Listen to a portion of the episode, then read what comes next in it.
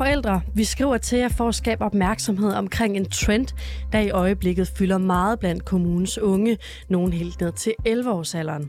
Sådan begynder et brev fra Frederikssund Kommune, der lige nu ser børn og unge, som får fingrene i ulovlige e-cigaretter, de såkaldte puffbars.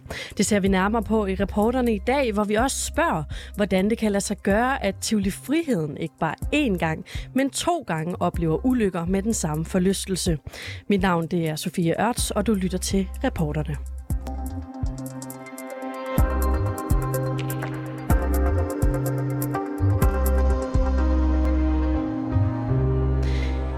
De kan være lyserøde, skrigegrønne eller babyblå, og så kan de smage af mango, jordbær eller måske vandmelon. Puffbars kunne lyde som harmløs slik, men det er det altså bestemt ikke. Puffbars er nemlig en slags engangs e-cigaret. Den er ulovlig at sælge i EU og dermed også her i Danmark. Men de bliver altså solgt til børn og unge helt ned til 11 års alderen. Det har de set i Frederikssund Kommune, som lige inden sommerferien sendt en advarsel ud til kommunens forældre i et brev. Godmorgen, Jakob Holm Jørgensen. Godmorgen. Du er leder af SSP i Frederikssund Kommune. Hvad er det, I har oplevet med Puffbars? Jamen, vi oplevede, at øh, inden for ganske få uger poppede der øh, eksempler op på tre af vores skoler, hvor, øh, hvor unge øh, var begyndt at bruge de her puffbars øh, og havde fået fingre i dem forskellige steder. Og samtidig så så vi jo også, at indpakningerne og de her puffbars øh, lå rundt omkring de steder, hvor unge fester i Frederikshund Kommune. Og en ting, det er jo, at øh, børn og unge kan få fat i de her puffbars, de her e-cigaretter og ryge dem. Men hvad ser I ellers af problemer i det? Ja, den ene ting er jo selvfølgelig, at de kan ryge dem i citationstegn, og der er nikotin i, som jo som ikke er, er ret godt for, for særligt børn. Øh, men den anden ting, som jo ligesom skærper vores bekymringer, og det som fylder mest, når man taler om kriminalitetsforebyggelse, det er jo måden, i hvert fald i Frederikssund, at det bliver distribueret på. Øh, og jeg tænker, det ligner det meget sådan rundt omkring i vores nabokommuner, at øh, unge, som er i periferien af de kriminelle miljøer, øh, hvor der bliver handlet med has, hvor de måske bliver brugt til at være øh, runners eller noget andet, at de, øh, de ligesom kører den her øh, sidegeschæft, hvor de sørger for at skaffe nogle puffbars for nogle øh, lidt ældre unge, og så sælger de de her videre til de altså helt unge. Altså vi har eksempler på 11-12-årige, som, øh, som køber dem. Og det er lidt samme metoder, som man ser, når der bliver handlet med euforiserende stoffer. Det er med at, at pushe det, og det er med lidt trusler, og nu skal du også huske at købe, og du skal huske at betale, og du skal lige gøre det her for mig, og sådan frem og tilbage. Så lidt sådan, øh, som noget, der lyder som noget, der foregår i det kriminelle undermiljø?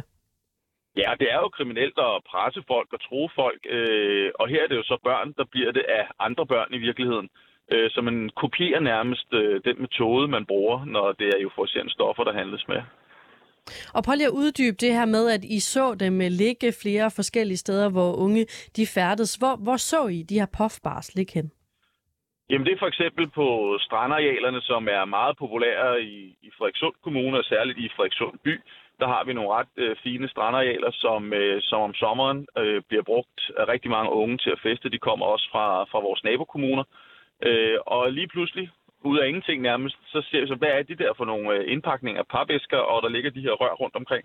Hvad er det lige for noget? Øh, vi kendte det faktisk ikke ret godt. Og så sammenholdt med, at skolerne begyndte at henvende sig, vores SSP'er, kontaktlærer ude på skolerne, kontakter mig og siger, vi har de her, og der foregår noget med dem. Øh, og der var nogle forældre, der begyndte at reagere på, at deres børn lige pludselig havde de her, og at øh, der foregik nogle øh, samtaler på Snapchat, og forældrene kunne ikke lige helt forstå, hvad var det lige, der foregik.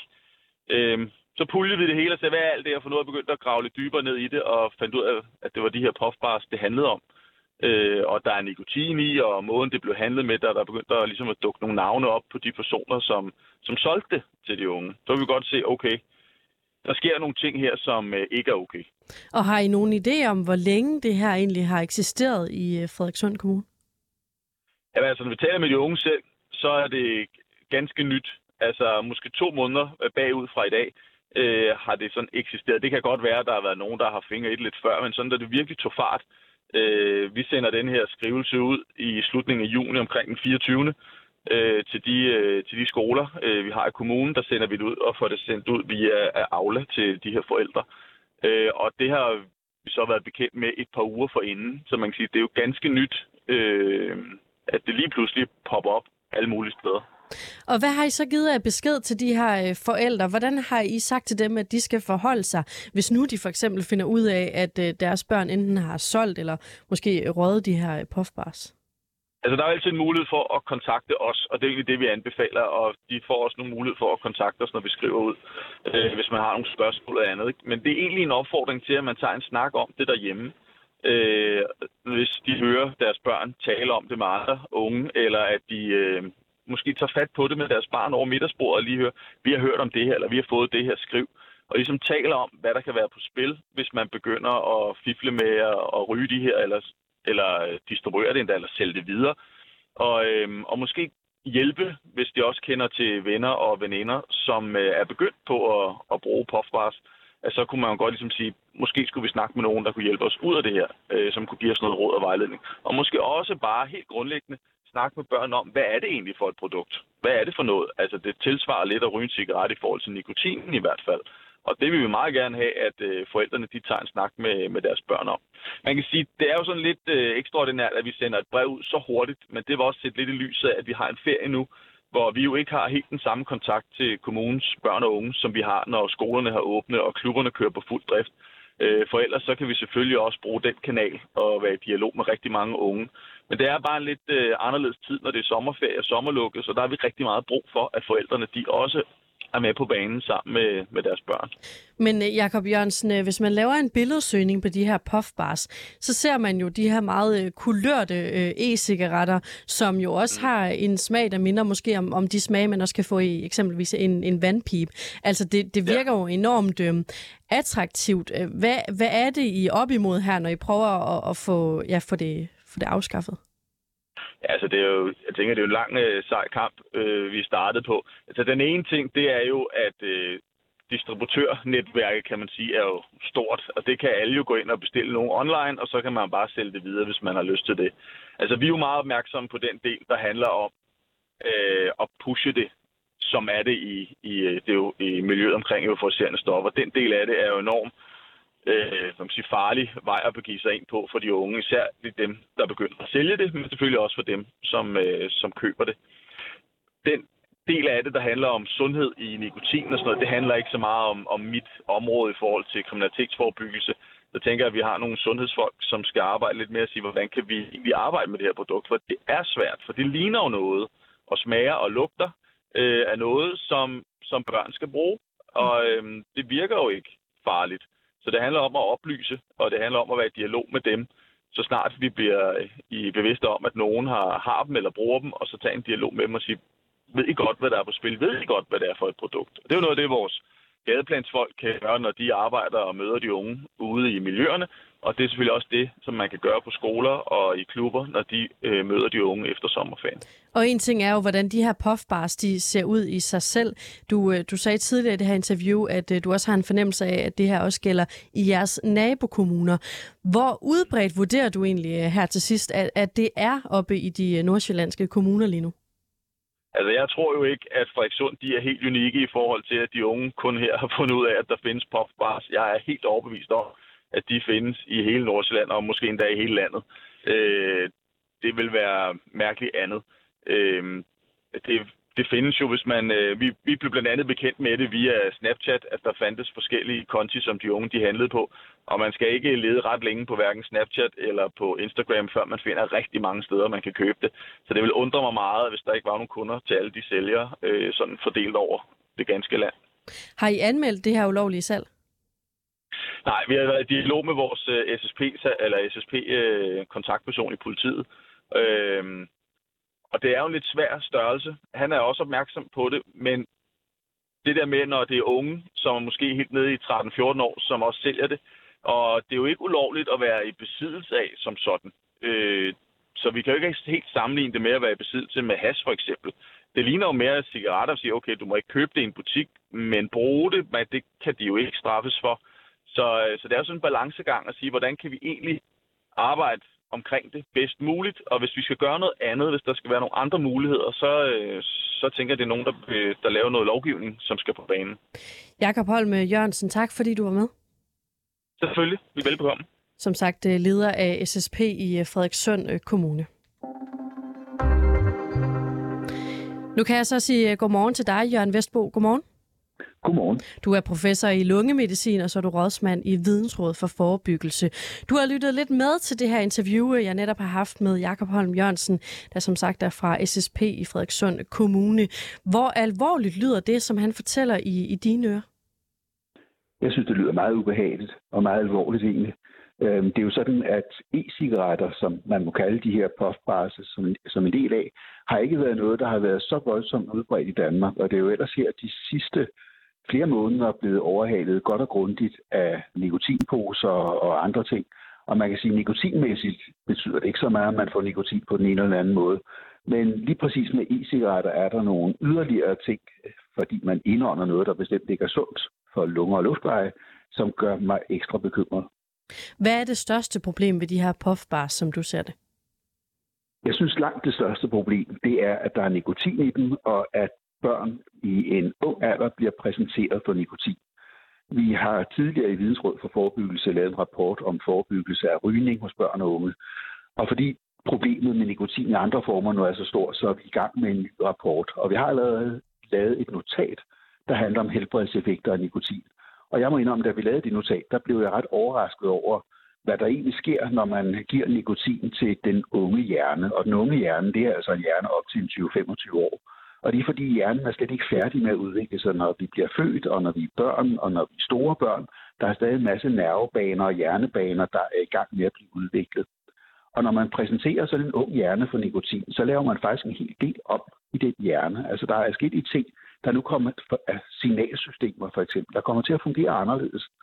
Og det betyder, at udover at man ret hurtigt, faktisk utrolig hurtigt, bliver tilvænnet nikotin, så får man også blivende den effekt, at man lettere kan blive afhængig af ting. Altså ikke bare nikotin, men også på længere sigt hårde stoffer eller alkohol.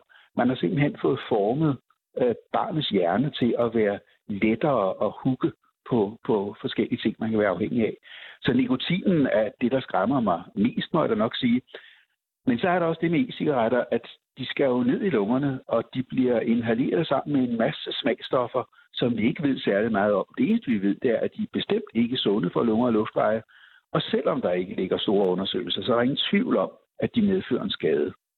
Så du indikerer øh, her, eller du fortæller her, at det, som I har fundet ud af, det er, at øh, bare ved at, at, at begynde at ryge de her e-cigaretter, så kan man altså ende ud i en, øh, en glidebane øh, af afhængighed, som, som kan føre til noget helt andet. Ja, det der sådan er det lidt slående, det er, at mens nikotin hos voksne er et ret fredeligt præparat, sådan set rent hjernemæssigt, altså det har de fordele og ulemper, som man kender for, for vanedannende stoffer, Øh, men det er jo et, et rusmiddel, nikotin. Det giver jo en tilfredsstillende effekt, og det er også derfor, det er sjovt at tage, når man er barn, ud over alt det her med kulørerne, som jeg også snakkede om. Men mens nikotin er fredelig hos voksne, så er det bestemt ikke hos børn, så man må skælne meget skarpt mellem, om man giver nikotin til en voksen, eller nikotin til den voksne hjerne ud fra sådan et biologisk synspunkt. Men hvor meget skal der til? Altså, man kan jo også tale om en situation, hvor, øh, hvor børn og unge prøver det her en enkelt gang og tænker, det er ikke noget for mig. Er det også noget, der kan gøre skade? Nej, man kan ligesom sige, prøver man det en enkelt gang og lægger det væk, øh, så er man formentlig derude over det. Man må bare sige, at der skal jo ikke ret mange til, før nikotinen egentlig giver den effekt, at man godt kan lide det. Man øh, forbinder det også med en vis kontekst. Man har gjort det sammen med venner eller kammerater. Det kan selvfølgelig være det under ubehagelige forhold, som hvis man er blevet pushet til det, men tit er det ellers i, i social sammenhæng. Og kombinationen af en social sammenhæng og det her vanedannende, der skal ikke ret meget til, før det er det, man gerne vil opsøge igen, fordi man, man forbinder det med noget, noget øh, behageligt. Og netop nikotin og stoffer som kokain, de er går utrolig hurtigt ind i hjernen, og det er også det, der gør, at de er utrolig afhængighedsskabende. Man skal ikke have røget ret mange cigaretter, før man bliver afhængig af nikotinen. Man kan godt drikke en hel del øl, før man bliver afhængig af alkoholen. Så der er en stor forskel her. Der skal ikke så meget til. Og nu er det jo ulovligt at sælge e-cigaretter i Danmark med øh, frugtsmag, men salget det foregår altså alligevel. I det tidligere interview, der hørte vi, at de blandt andet blev solgt på øh, det sociale medie Snapchat. Hvordan kan vi egentlig forebygge, at e-cigaretter med frugtsmag, som for eksempel øh, de her puffbars, de indeholder, de går hen og bliver et decideret hit blandt børn og unge? Ja, altså man kan sige, der det vi jo helst vil, øh, som vi ved virker, det er at mindske tilgængelighed, øh, mindske mulighederne for, hvor man kan bruge dem, og så gøre dem dyrere. Men det er jo kun noget, vi kan gøre med ting, der er på et åbent marked eller et reguleret marked. Problemet med de her er jo, at, som jeg snakkede om, at de bliver solgt ulovligt, men også, at det alt andet lige er lettere at bruge en e-cigaret end en cigaret. Du lugter ikke helt så meget en e-cigaret, som du gør en cigaret, og derfor kan det sådan foregå lidt mere skjulte. Så det er svært umiddelbart at gøre noget ved. Er det for nemt at gøre det her? Ja, det er alt for nemt. Og det er måske også, øh, uden at pege fingre af nogen, så kommer der sådan en vis laissez-faire, øh, at der er måske nogle forældre, der tænker, at det kunne sørge mig at være værd. Det, det er godt, de ikke er begyndt at ryge. Og der må man bare sige, så enkelt er det nok ikke. Der er selvfølgelig aldrig noget, der er så slemt som cigaretter, fordi der er en masse andre effekter, nikotinen og fordi der er kræftfremkaldende stoffer i alt det her. Men det er ikke fordi, vi nu rykker langt, langt ned ad skalaen og siger, at nu er vi så kommet til de harmløse ting. Så der er nogle forældre, der må på banen. Jeg synes, det er fantastisk godt, at der er kommet brev hjem øh, til familierne, fordi ellers tror jeg, at der er rigtig, rigtig mange forældre, der slet ikke ved, at det her foregår, og i hvert fald tænker, at det er ikke mit barn. Og det her, det er noget, som kan ramme alle børn. Her til sidst, øh, Jørgen Vestbo, så øh, kunne jeg godt tænke mig at vende tilbage til noget af det, du sagde i begyndelsen. Nemlig det her med, at vi har jo haft øh, ret stor fokus på, øh, på de her nikotinposer, det her øh, snus, som folk putter op under øh, overlæben blandt andet. Og så er der kommet det her puffbars inden for de seneste måneder. Står vi i en situation, hvor vi ikke helt har styr på, hvad det egentlig er, øh, børn og unge kan få fat i og kan, kan ryge og indtage nu til dags? Ja, det tror jeg, man må sige. Og det er jo også fordi, der er en industri, der godt er klar over, at der er store penge i det her. Og de er der jo findes om. Altså sådan, i den her måned er det puffbars, så om en måned eller to hedder det noget andet. Men formålet er det samme. At man gerne vil have fat i en masse unge mennesker, fordi det er jo en perfekt forretningsmodel. Hvis du kan få dem til at bruge præparatet, udover at de synes om det og kan blive pushet til det, så bliver de også afhængige af det. Jørgen Vestbo, tak fordi du var med.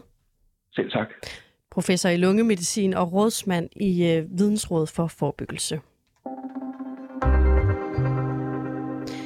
Spørgsmålet det er selvfølgelig, hvordan børn og unge kan få fat i en af de her puffbars, som måske endda ryge den efterfølgende.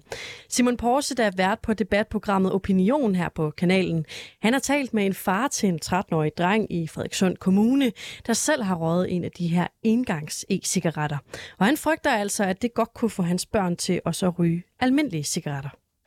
Jeg kan jo forstå, at din 13-årige søn har en eller anden omgang med de her såkaldte puffbars. Hvordan er det her begyndt? Det er jo begyndt ved, at øh, de er nogle drenge, der er blevet, eller nogle, nogle af kammerater, der er blevet kontaktet via, via en besked på Snapchat, og så øh, ja, så tror jeg, de har fået blevet spurgt, om de vil købe nogle af dem og prøve det. Så der, er nogen, der, der er nogen, der skriver til dem helt uopfordret? Ja. Men det blev sendt rundt øh, og blevet delt på Snapchat. De der beskeder fra den person, der sælger dem. Og så tager din søn og kammeraterne altså, fat i den her kontakt og, og køber de her bars, eller hvordan? Ja, yeah. yeah, det gør de. Hvad gør de med det? Øhm, ja, yeah, de får, får fat i øh, en hver, tror jeg, så vidt jeg har forstået i hvert fald, og så øh, ryger de jo dem. Eller hvad man gør med dem. Og det er så bare til, altså, til forbrug, at, at så køber de et par stykker og ryger dem? Det er lige præcis. Det er præcis. Okay. Hvornår opdagede du selv, at din søn, han, ja, hvad kan man sige, røg de her? Øh, en til to dage efter, at han var begyndt på det. Hvordan skete Eller det? efter han har fået den første, ikke? Eller efter han har fået den, den, den ene der. Hvordan opdagede du det? Det var en, der havde set den. Altså havde set dem gå og ryge? Ja. Din 13-årige søn og hans kammerat? Øh, I hvert fald en af hans kammerater øh, var blevet set med den, ja. Okay. Og så fandt vi så senere ud af, at han også selv har haft en. Hvad gik der igennem dig, da du fandt ud af, at din søn går og, går og ryger dem her? Jeg blev lidt overrasket, øh, vil jeg sige, i forhold til, hvor let påvirkelige de er, de unge knægte der. Øh, lidt gruppepres og lidt små ting, tror jeg, der har været involveret. Så øh, Var jo, du, man bliver, bliver overrasket. var du skuffet eller ked af det? Øh, det, jeg tror ikke, jeg tænkte så meget over. Jeg tænkte bare, at det skulle bare stoppe. Det, øh, det er en af de ting, der ikke er overhovedet nogen grund øh, til at starte på. Hvad gjorde I så, da I uh, fandt ud af det? Jamen, han blev konfronteret med det. Så, og så fortalte han jo så, hvordan det hele det hang sammen med. Tog I kontakt til, altså, til myndighederne på en eller anden måde? For at se, hvad der skulle gøre nu? Ja, øh, til at, nej, altså til at starte med, så er det jo nemt at stoppe selv, vil jeg sige. Og så tog vi kontakt til de andre forældre, han er sammen med, og spurgte, om de havde hørt noget. Og der, den ene havde så også selv fundet ud af det, og den anden blev meget overrasket over det. Så Men I tog ikke fat i politiet eller andre? nej, det gjorde vi ikke. Det gjorde vi ikke. Der var en af, en af forældrene, der tog fat i skolen for at informere dem om, at, øh, at, at det var sket, og at de måske skulle være opmærksom på, øh, om der var andre, der øh, måske også var begyndt på det samme. Mm-hmm. Og så tog skolen fat i, øh, eller deres skolens SSP-konsulent, eller ansatte øh, tog fat i kommunen, og så kørte de via kommunens SSP, og så blev der skrevet rundt til, til, øh, til resten af øh, skolens øh, forældre, hvad man siger, øh, fra 5. klasse op, øh, for at informere dem om, at øh, det var noget, der var, der var blevet øh, ja, de i hvert fald set bekendtskab med det, og så, sådan så at de også kunne tage en snak med, med børnene. Så I tog det også seriøst, synes du? Ja, absolut. Jeg synes, det er, det er gået relativt øh, godt. Øh, stor ros til skolen, og også til de andre forældre, så når man hiver fat i dem og fortalt, at øh, hvad der var sket, og så bliver det taget meget alvorligt, fordi alle synes jo, det er skråplan, ikke? Og det er jo det med, at de starter med at ryge sådan noget. Hvad frygter du, der vil ske, hvis først man begynder? Man kan jo starte med at, med at man starter et eller andet sted med sådan noget, og så måske så bliver det en rigtig cigaret, ikke? Øh, på et tidspunkt. Den far, vi her har talt med, han er anonym med hensyn til sin søn, men øh, på redaktionen er vi altså bekendt med hans navn. Vi har også forsøgt at få fat i nogle af dem, som sælger de her puffbars, men de vil altså ikke være med i et interview. Du kan høre meget mere om det her fænomen med e-cigaretter, som bliver solgt til børn og unge i programmet Opinion, som bliver sendt her på kanalen fra kl. 10 til 11.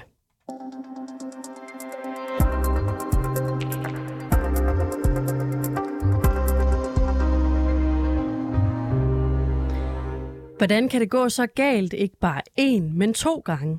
I de her dage der bliver det undersøgt godt og grundigt, hvad der gik galt, da en 14-årig pige hun i torsdag døde i forlystelsen Cobra i Tivoli Friheden. Men rutsjebanen i den aarhusianske forlystelsespark, den var altså også ude for en ulykke i 2008, da en af vognene knækkede af. Det medførte, at fire personer styrtede direkte mod jorden og blev kvæstet. Efter den seneste ulykke i Tivoli Friheden, der er rutsjebanen Cobra blevet lukket permanent. Godmorgen, Christian Nørgaard. Godmorgen.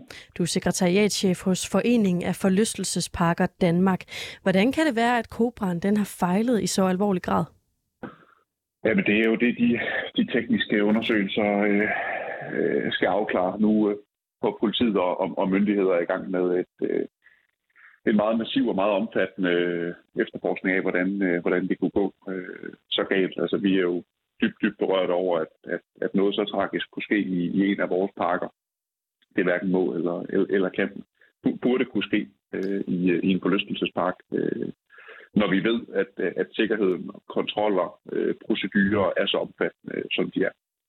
Har vi nogen indikation af, øh, hvis skyld det kan være, at det er gået galt igen? Ja, det er, det er desværre allerede noget for tidligt øh, at sige. Altså, det, det afventer simpelthen de her tekniske undersøgelser, øh, som politiet og, og fagfolk øh, er i gang med på stedet. Og som du selv nævner, så bliver der lavet en, en del kontroller i de danske forlystelsesparker. Vil du ikke prøve at fortælle lidt om, hvordan det egentlig foregår?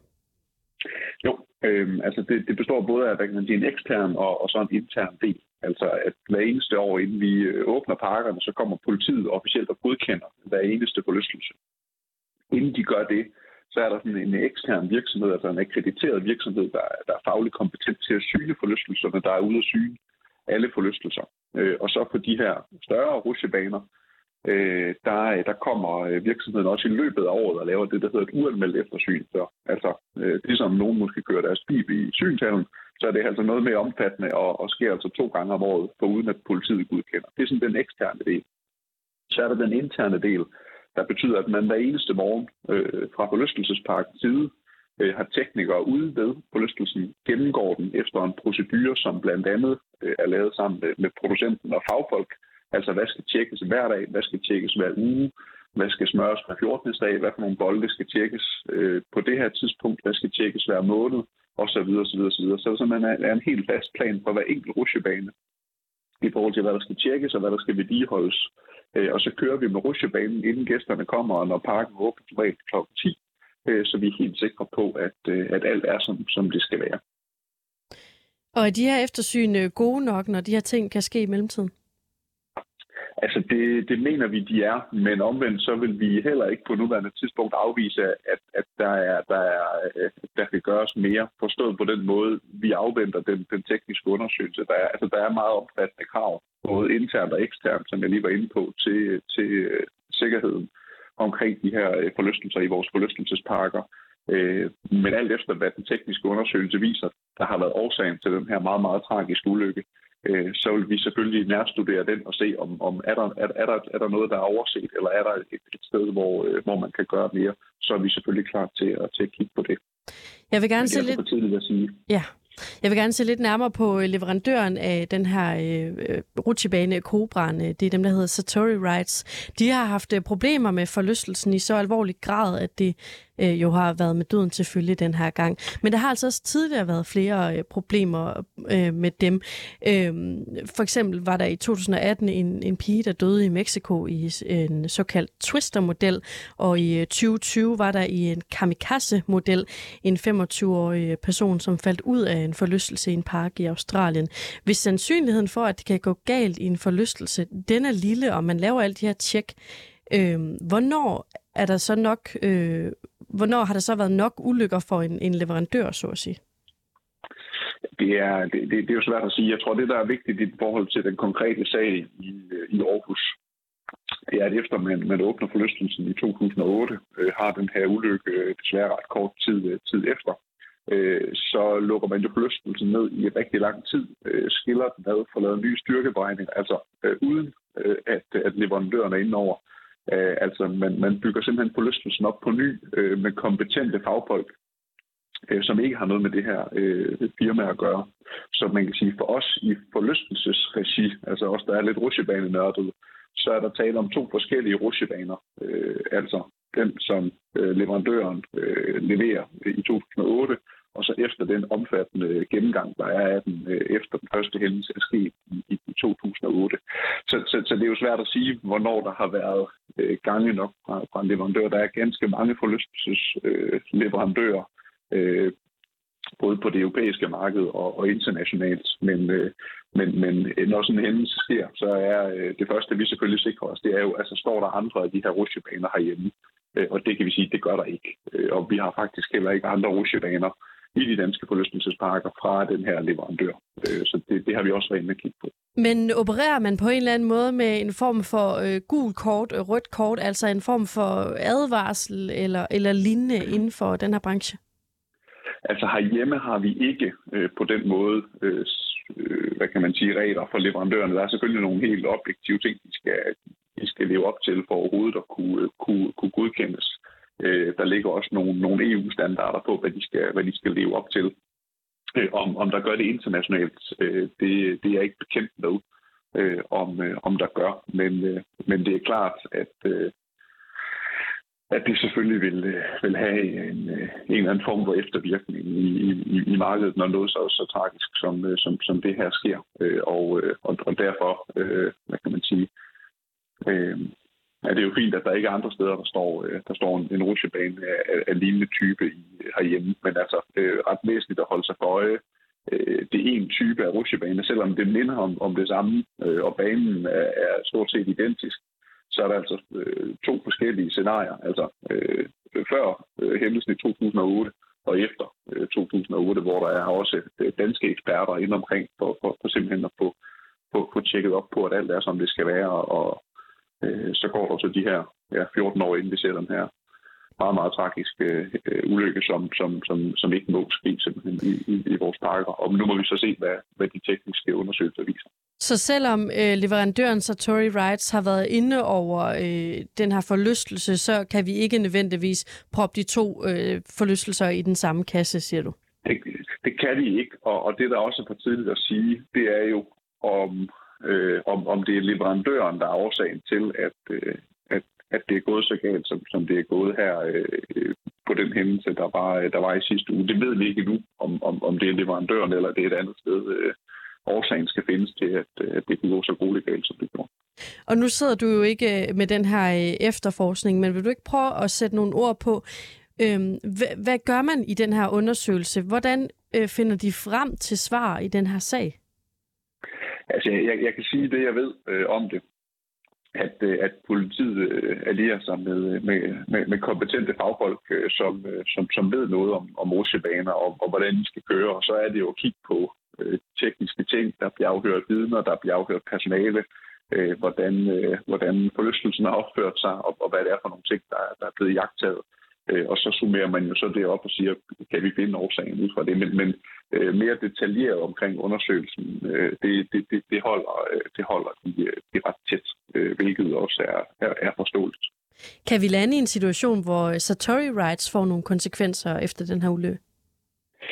Det er svært at sige allerede nu, fordi man jo netop altså, lavede så, så gennemgribende en, øh, en renovering af, af, af rusjebanen efter den hændelse, der var i 2008, og havde en masse andre øh, indenover i forhold til at få, øh, få gjort den, øh, den, den sikker og, og køre klar. Så, så, så, så det, er, det er tidligt at sige, og, og som jeg er bekendt med det, så er, så er det, det, det firma, som, som oprindeligt opstillet. Jeg, jeg, jeg tror heller ikke, det eksisterer mere. Nu er der så et andet firma, der, der er udsprunget af det, men, øh, men øh, men det komplicerer i hvert fald processen yderligere, kan man sige. Men kunne vi stå i en situation, hvor det, hvor det kan koste noget for dem? Øh, det er ganske givet, vil, vil, vil, man jo, øh, vil man jo kigge den vej, hvis det, hvis det er producenten, man, øh, man ender med at sige, at det, det, det, det er producenten, der har været årsag til den her fejl. Men, men, men det er altså, altså det er jo, gæt, det er jo gætterier, fordi vi kender ikke årsagen endnu. Christian Nørgaard, sekretariatchef hos Foreningen af Forlystelsesparker Danmark. Tak fordi du vil være med. Det tak. Og så kan jeg lige tilføje, at vi selvfølgelig også gerne vil have talt med Tivoli Friheden om den her sag, men de er altså ikke vendt tilbage på reporternes henvendelse. Tivoli Friheden genåbner tirsdag, men uden adgang til forlystelserne. Den bliver der åbnet for igen på onsdag, lyder det fra parkens direktør.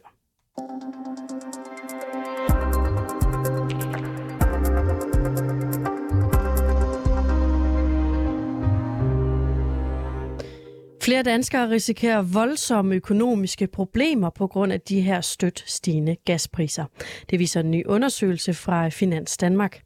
For hvis gaspriserne de fortsætter med den her vilde himmelflugt, de er ude på lige nu, ja, så vil hver 20. familie i de 10 hårdest ramte kommuner altså gå fra at have et positivt til et negativt rådighedsbeløb.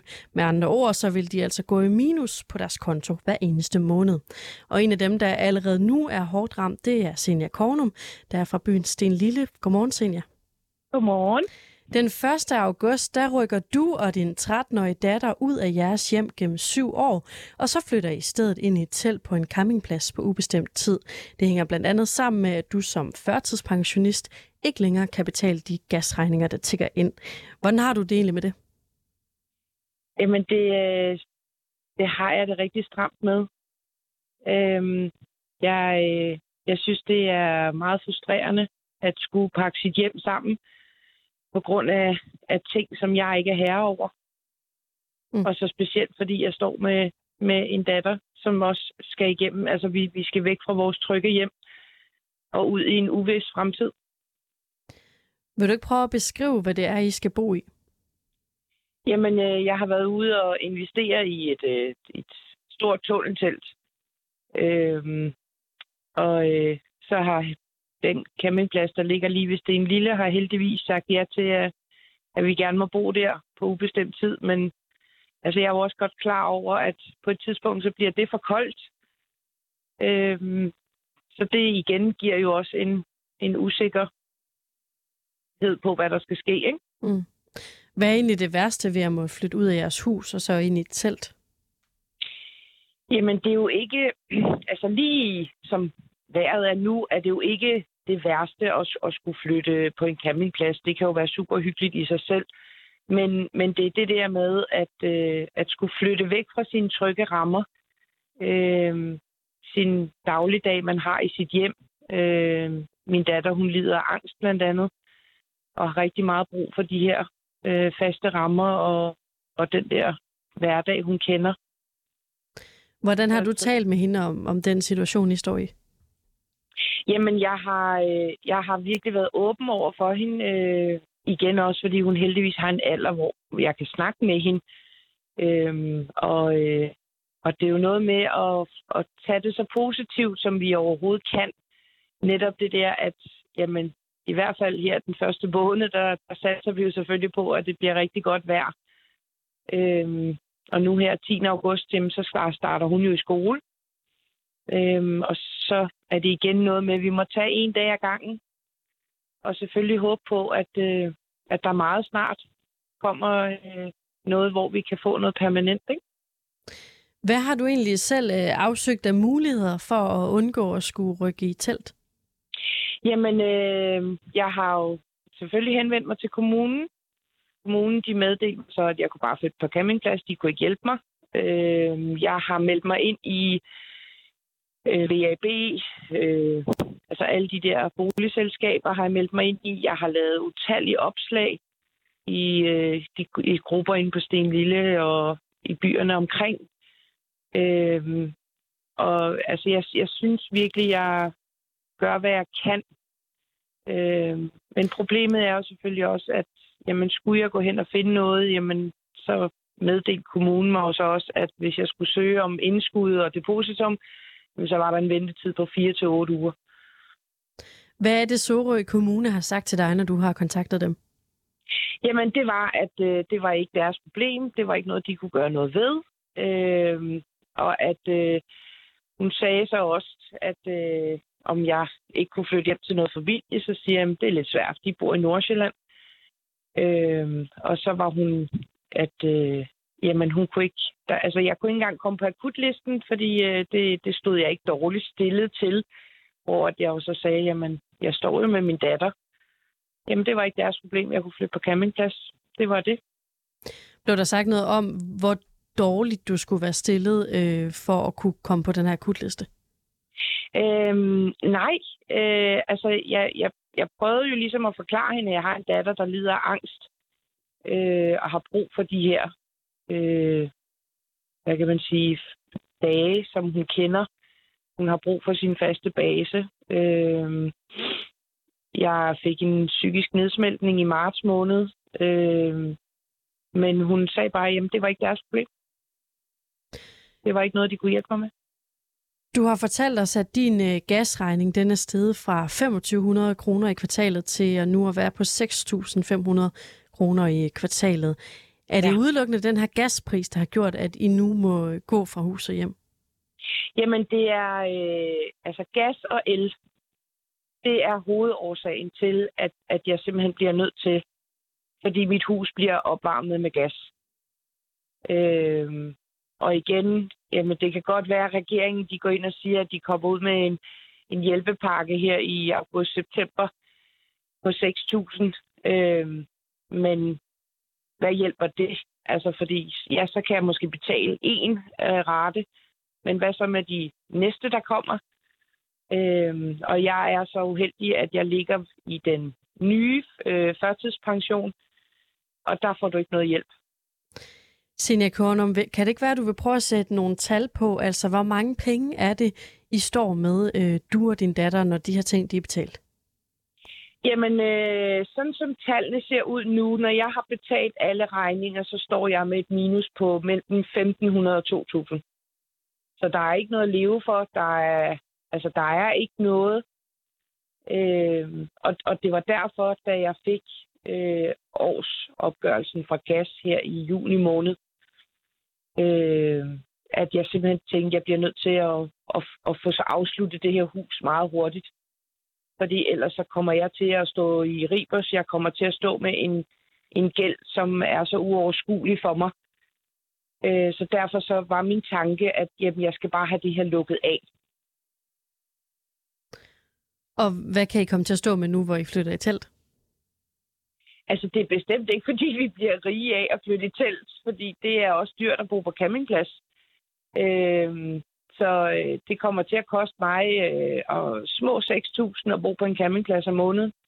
Så kan man selvfølgelig sige, jamen så er der i hvert fald ikke den der gasregning. Der er jo selvfølgelig stadig noget el, der skal betales.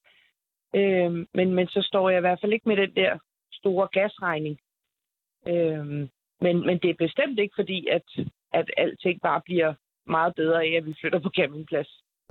Hvem mener du, der har ansvar for at rette op på den situation, som du og din datter, og også andre danskere, ved vi, er endt i? Jamen altså, jeg har bare... Altså det, jeg sidder tilbage med, det er, at det, det kan simpelthen ikke være rigtigt, at helt uskyldige mennesker øh, pludselig bliver ramt så hårdt, at, at hele deres hverdag, hele deres øh, trygge øh, rammer bliver revet fuldstændig væk under dem. Øh, altså, jeg har det sådan lidt, øh, der, der må... Altså, jeg har lige øh, været i et interview med det norske dagblad, hvor hun siger, jamen der har regeringen jo været ude og fjerne afgifter for netop at kunne hjælpe alle. Og hvor jeg tænker, jamen altså regeringen, de bliver simpelthen nødt til at gå ind nu, fordi nu har vi snakket om den her information, vi har snakket om alt det her med, at alting stiger. Ja, men nu skal der øjne på konsekvenserne. Og konsekvenserne er, at jeg ved, at jeg ikke er den eneste, som bliver nødt til at pakke hus og hjem sammen. Og, og hvad så? Altså, det er jo ikke alle, der er lige så heldige, som jeg er. Der ligger en campingplads lige ude foran vores by, og vi har mulighed for at komme derud i hvert fald et stykke tid. Ikke?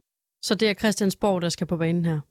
Jeg synes både kommunerne øh, og bestemt også politikerne, at de, de bliver simpelthen nødt til at, at se realiteterne i øjnene. For jeg har en fornemmelse af, at det, de gør lige nu, det er, at de vil rigtig gerne have, at folk de lige skal bruge deres opsparinger, som de egentlig skulle have brugt på, for eksempel når de blev ældre, eller opsparinger på nogle andre ting. Men de vil godt lige have, at dem skal de lige bruge. Hvor jeg har det sådan lidt, I bliver nødt til at komme på banen nu. Der bliver nødt til at ske noget, fordi ellers så ender det her grueligt galt. Øh, lige kort her til sidst, øh, Senja Kornum. Hvor lang tid regner du med, at dig og din datter I, uh, skal bo i telt på campingpladsen? Altså, øh, jeg har ingen idé for at være helt ærlig. Jeg øh, søger stadigvæk, og jeg vil sige det sådan, jeg har oplevet en fuldstændig fantastisk øh, opbakning fra fuldstændig fremmede mennesker, der tilbyder mig deres hjem. Øh, uheldigvis bor de langt væk herfra, men folk har været så søde øh, at skrive og været enormt opmuntrende. Øh, og folk, de kigger øh, og, blev, og, og virkelig sådan, vi skal nok se efter noget, og jeg håber, og ellers så, øh, så må jeg jo sætte mig op på borgmesterens kontor og sige, så skal vi da bare kigge på hinanden, indtil du finder ud af noget. Jeg ved det ikke. Jeg, jeg bliver bare nødt til at tage en dag ad gangen. Sinja Kornum, øh, tak fordi du var med her til morgen. Det var så let.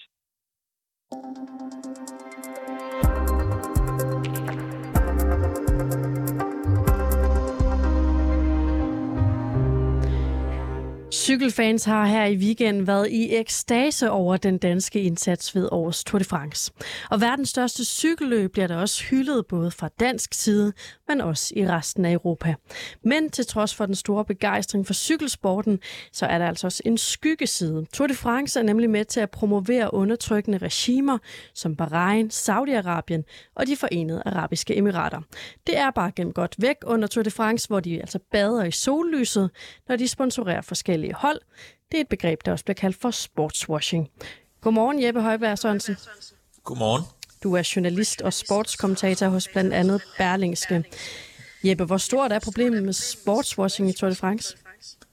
Jamen, det synes jeg er ganske betragteligt. Øh, der er i hvert fald fem hold, som i en eller anden forstand kan forbindes med det. Altså, hvor det er blandt UAE Emirates, hvor, Team Emirates, hvor øh, Pogacar han kører. Så, så det synes jeg er ret, ret betragteligt, ja. Ja, lad os lige prøve at se nærmere på det. Altså øh, UAE Team Emirates, et hold, som øh, siden 2017 har været ejet af de forenede arabiske emirater, og hvor blandt andet en af løbets øh, favoritter til at vinde, altså Pogacar, hans cykler. Hvad er problemet med det her hold? Øhm, problemet med det hold er det samme som det, vi ligesom har talt om i alle mulige andre sportsgrene, men i særdeleshed fodbold når vi taler om Manchester City og Paris Saint-Germain, men også den debat, der har været omkring øh, VM i Katar, som jo har været stor de seneste år. Problemet er jo simpelthen, at, at det er en politisk stat, som, øh, eller det er en stat, politiske magthavere, som, som bruger sporten til at opnå politiske mål. Og det er jo ikke, det er jo ikke noget, som er sådan synderligt øh, specielt, det har vi set i rigtig mange år. Det nye er jo så, at det, at det kommer fra Mellemøsten, og det kommer fra regimer, som har, som har kvaler, hvad angår øh, menneskerettighed og overhold menneskerettigheder og alle mulige andre ting. Altså UAE, øh, de forenede arabiske emirater, er måske et land, man kender mindre til i Danmark end Katar, fordi debatten omkring Katar har været så massiv, og vi har talt meget om de her migrantarbejdere, der er døde osv. Men, men sagen med UAE er også, at altså, det er et land, der minder utrolig meget om Katar på mange punkter. Det, der er en amerikansk tænketank, der hedder Freedom House, som har opgjort, som opgør øh, landes og deres befolkningers frihedsrettigheder, civile rettigheder. Og de, de vurderer, at, at UAE, de forenede arabiske emirater, de, de, den scorer de lavere på en Katar, som jo for tiden bliver meget kritiseret for deres LGBT plus lov og så videre. Ikke? Så, så, så det er, altså, det er same shit, hvis jeg skal, jeg skal tale lige ud. Mener du, Jeppe Højberg Sørensen, at det er dobbeltmoralsk, at vi her i Danmark har så travlt med at kritisere øh, VM i Katar, men ikke at et hold som øh, UAE Team Emirates kan cykle rundt i øh, den gule trøje i Tour de France? Øhm, ja, yeah. altså det mener jeg grundlæggende. Altså jeg forstår jo udmærket godt, at debatten om Katar har, har været hæftigere, fordi VM skal afholdes der, så det er selvfølgelig en større historie.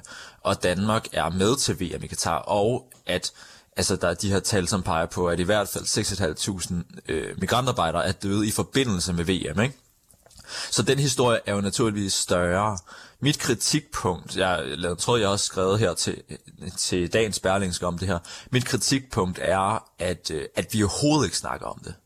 Altså, jeg stort set ikke, jeg, jeg, jeg har ikke set et eneste stort medie øh, berette om det her, og i særdeleshed ikke TV2, som har rettighederne til, til Tour de France.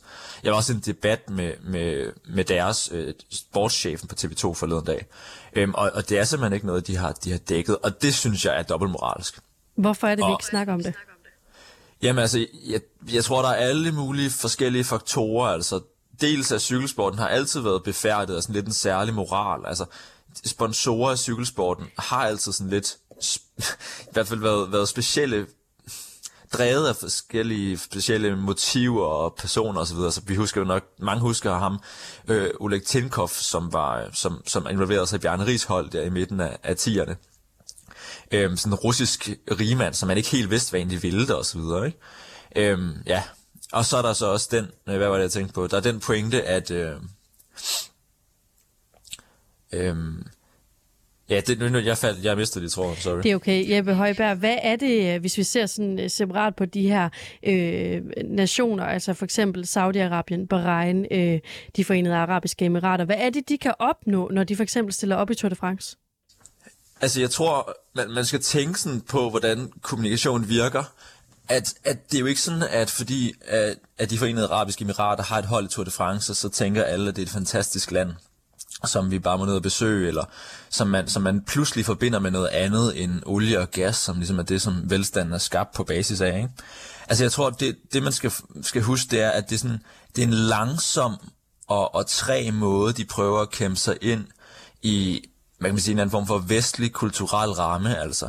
De prøver via sporten at vise, at de er entreprenante, vise, at de forstår sig på kultur, og dermed også, altså der er jo meget snak om, at det de her lande, de i bund og grund vil opnå, det er ligesom at omskabe deres økonomi med tiden, så de ikke kun har indtægter, der kommer fra olie og gas, fordi på et tidspunkt, så vil det ikke længere være efterspurgt, og måske vil de også løbe tør for det. Så de skal simpelthen finde sig nogle andre arenaer, hvor de kan tjene penge, og hvor de kan komme til at ikke mindst få indflydelse hos nogle, i nogle politiske organer.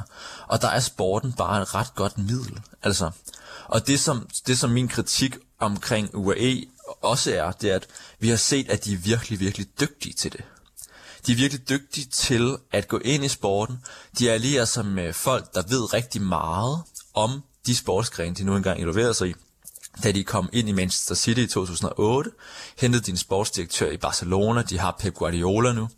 Og, og på cykelsporten har de gjort det samme. De allierer sig med en Schweiz og en italiener, der ved rigtig meget om sporten. Tidligere mestre, som ligesom har drevet holdet. Så, så de gør det på en, på en ret gelindig måde. Også i forhold til, hvad vi har set i Katar, som stormer lidt mere frem, har bredere albuer, og på den måde også slår sig mere.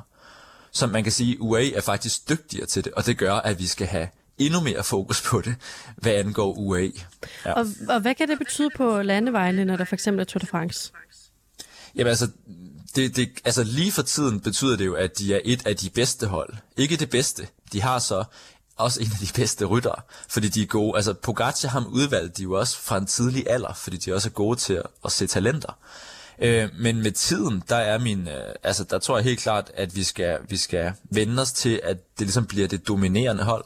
Fordi forskellen på UAE og Ineos Grenadiers og Jumbo Visma, det er jo, at der ikke er nogen sådan normal økonomisk kalkyle, de ligesom skal forholde sig til. De har bundløse lommer, og dermed kan de også sådan set opskalere budgettet hele tiden. Og det er jo også det, vi ser i Manchester City, selvom der er nogle regler, som, som forbyder, at man bruger uendelig mange penge i fodbolden. Ikke? Det er der færre i cykelsporten. Øh, men så, så med tiden, så vil det etablere sig som, som det ultimative storhold. Jo mindre der selvfølgelig er andre, der får samme idéer, ikke? Som, som der jo også godt sagtens kan være. Det kunne godt lyde en lille smule unfair. Ja, altså det er jo det, altså jeg skriver i dagens Berlingske, at det er den nye form for doping. Altså det er en økonomisk, økonomisk doping.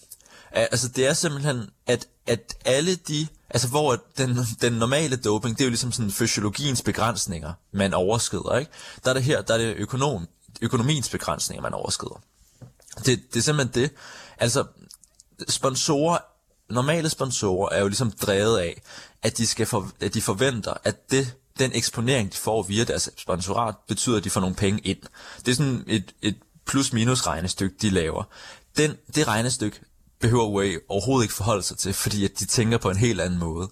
Altså sådan, de, de har, de har masser af tid til at tabe en masse penge på den lange bane her, fordi det er, det er et helt andet regnestykke, de, de, øh, de forholder sig til. Ikke?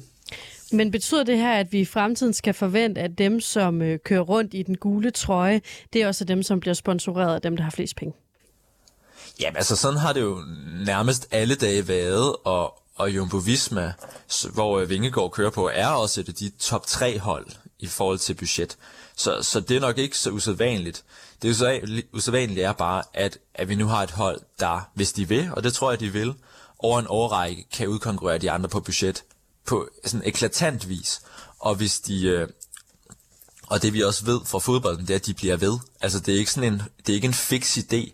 Det er en langsigtet politisk sportsstrategi, som, som de holder sig til. Så, så med tiden vil vi, tror jeg, vi vil se, at, at de dominerer. Der er jo så den forskel på fodbolden, at, at, at man skal også helst i cykelsporten have den bedste rytter for at vinde. Og det er jo så der, at, at uh, Vingegaard han godt kan ende med at forstyrre det hele, hvis han er bedre, eller hvis der kommer en ny på et andet hold. Ikke? Je- øh, ja. Jeppe Højberg Sørensen, tak fordi du var med her. Selv tak. Journalist og sportskommentator hos blandt andet Berlingske. Og som Jeppe også lige var inde på, så er det altså Tyboen Jonas Vingegaard, der kører rundt i den gule trøje lige nu. Dermed så nåede vi til øh, afslutning på dagens reporterne. Christine Randa var producer, jeg hedder selv Sofie Ørts, og jeg er tilbage igen i morgen kl. 8.